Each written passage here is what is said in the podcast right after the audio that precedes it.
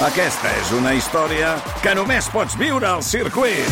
24, 25 i 26 de maig. Gran premi Monster Energy de MotoGP al circuit de Barcelona, Catalunya. Compra ja les teves entrades a circuit.cat. Viu-ho! Històries per explicar la nit de Nadal.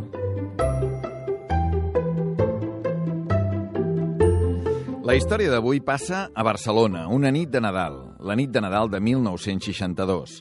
Aquell any Nadal cau en dimarts, i també aquell any encara hi ha molta gent que a la vigília assisteix a la missa del gall. Quan surten de les esglésies, ja de matinada, se n'adonen que està nevant a tota la ciutat i que els carrers, a poc a poc, comencen a quedar emblanquinats. No és una imatge habitual a Barcelona. La reacció de la gent, doncs, és d'alegria, d'estar vivint una mena de conte de Nadal. El que encara no saben és que allò que ara els fa tanta gràcia els acabarà creant molts problemes. A les zones de la ciutat on menys nevarà hi cauran 50 centímetres de neu, dos pams i mig. Però a la part alta de Barcelona s'arribaran a acumular 4 pams de neu, 80 centímetres. Venen dies molt difícils. L'any 1962, a Barcelona, ja hi viuen més d'un milió i mig de persones. Algunes hauran descobert la neu de matinada, sortint, com dèiem, de la missa del gall, i les altres ho faran l'endemà al matí, el dia de Nadal, quan es llevin. Aquell dia tothom s'ho passarà bé amb la neu. Hi ha batalles de boles de neu per tota la ciutat. Fotos a les palmeres nevades de la plaça Reial, al port, a la platja. Hi ha neu, molta neu a tota la ciutat. Els més espavilats agafen el metro per pujar i baixen esquiant tot el carrer Balmes fins a la plaça Catalunya. Pel menjar, de moment, avui ningú no ha de patir. Les cases estan ben abestides. És el dia de Nadal. Una sopa de galets ben calenta i la carn d'olla.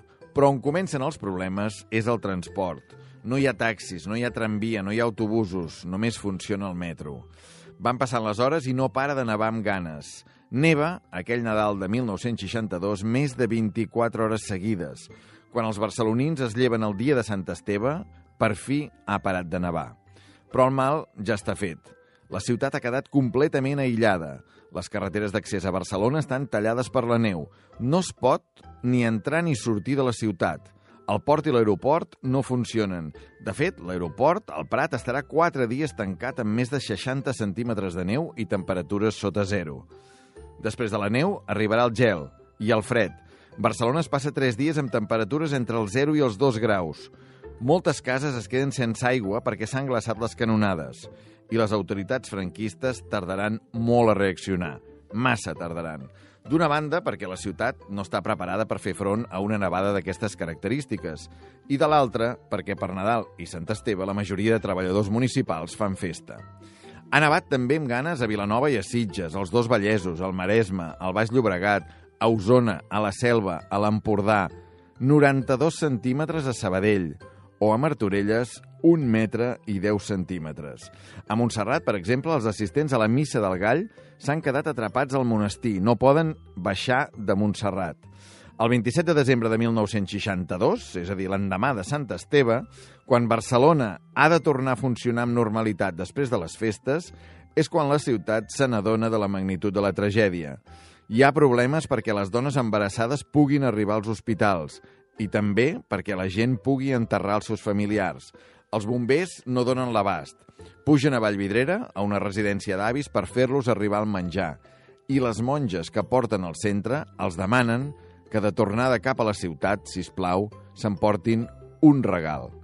El regal és el cos d'un dels seus residents que ja fa dos dies que es va morir i no hi ha manera que el vinguin a buscar. Mentrestant, entre els ciutadans es genera una mena d'alarma col·lectiva.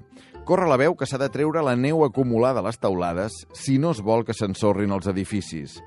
La gent puja en pales als terrats i comença a llançar la neu cap al carrer. El remei acabarà sent molt pitjor que la malaltia. En alguns carrers s'acumulen fins a dos metres de neu, entre la que havia caigut del cel primer i la que després es llença des dels terrats. Molts cotxes queden aixafats pel pes de la neu que llancen els veïns. Es produeixen lesions a vianants i fins i tot un veí del carrer Villarroel explica a l'avantguàrdia que treia neu d'un terrat, cau a la calçada i acaba morint. Els diaris parlen de la nevada del segle. Per trobar un episodi semblant al d'aquest 1962, s'han de remuntar a 1887, Aquell any van caure 60 centímetres de neu. I és en aquest context quan l'alcalde de Barcelona, el franquista Josep Maria Porcioles, es decideix a demanar ajuda a una persona que des d'aquell Nadal de 1962 serà conegut com el príncep de les neus. Estem parlant d'Andreu Claret i Casadesús, el pare dels germans Claret, músics, o de l'Andreu Claret, periodista. És un polític republicà molt amic de Pau Casals. Ha ajudat i acollit nombrosos exiliats a França. Ha escrit també un article en què qualifica Franco d'assassí. El règim no vol ni sentir a parlar d'ell, no vol ni sentir parlar d'Andreu Claret. Però Porcioles el coneix i sap que ara viu a Andorra, que s'encarrega de les comunicacions per carretera alta muntanya i, sobretot, que disposa d'una flota de màquines llevaneus. És així com Claret surt d'Andorra amb 13 màquines camí de Barcelona.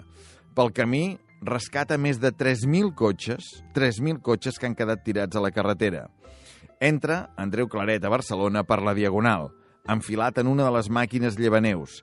És rebut a la plaça Sant Jaume per l'alcalde Porcioles i a tots els carrers amb moltíssims aplaudiments per part d'una població que comença a demandar solucions immediates. Les màquines arriben el divendres 28 de desembre de 1962, el mateix dia que els trens tornen a funcionar. Aviat també ho farà l'aeroport i les carreteres d'accés a Barcelona es reobriran a poc a poc. Claret i les seves màquines trigaran entre 4 i 5 dies a deixar la ciutat sense neu. D'aquesta manera s'acaba la gran nevada de 1962 a Barcelona. Allò que havia començat com un conte de Nadal la nit del 24 al 25 de desembre, mentre molta gent era a la missa del gall. Els diaris parlaven en aquell moment de la nevada del segle. I a fe que així ha sigut. Han passat 57 anys i Barcelona no ha tornat a veure mai una cosa semblant. Històries per explicar la nit de Nadal.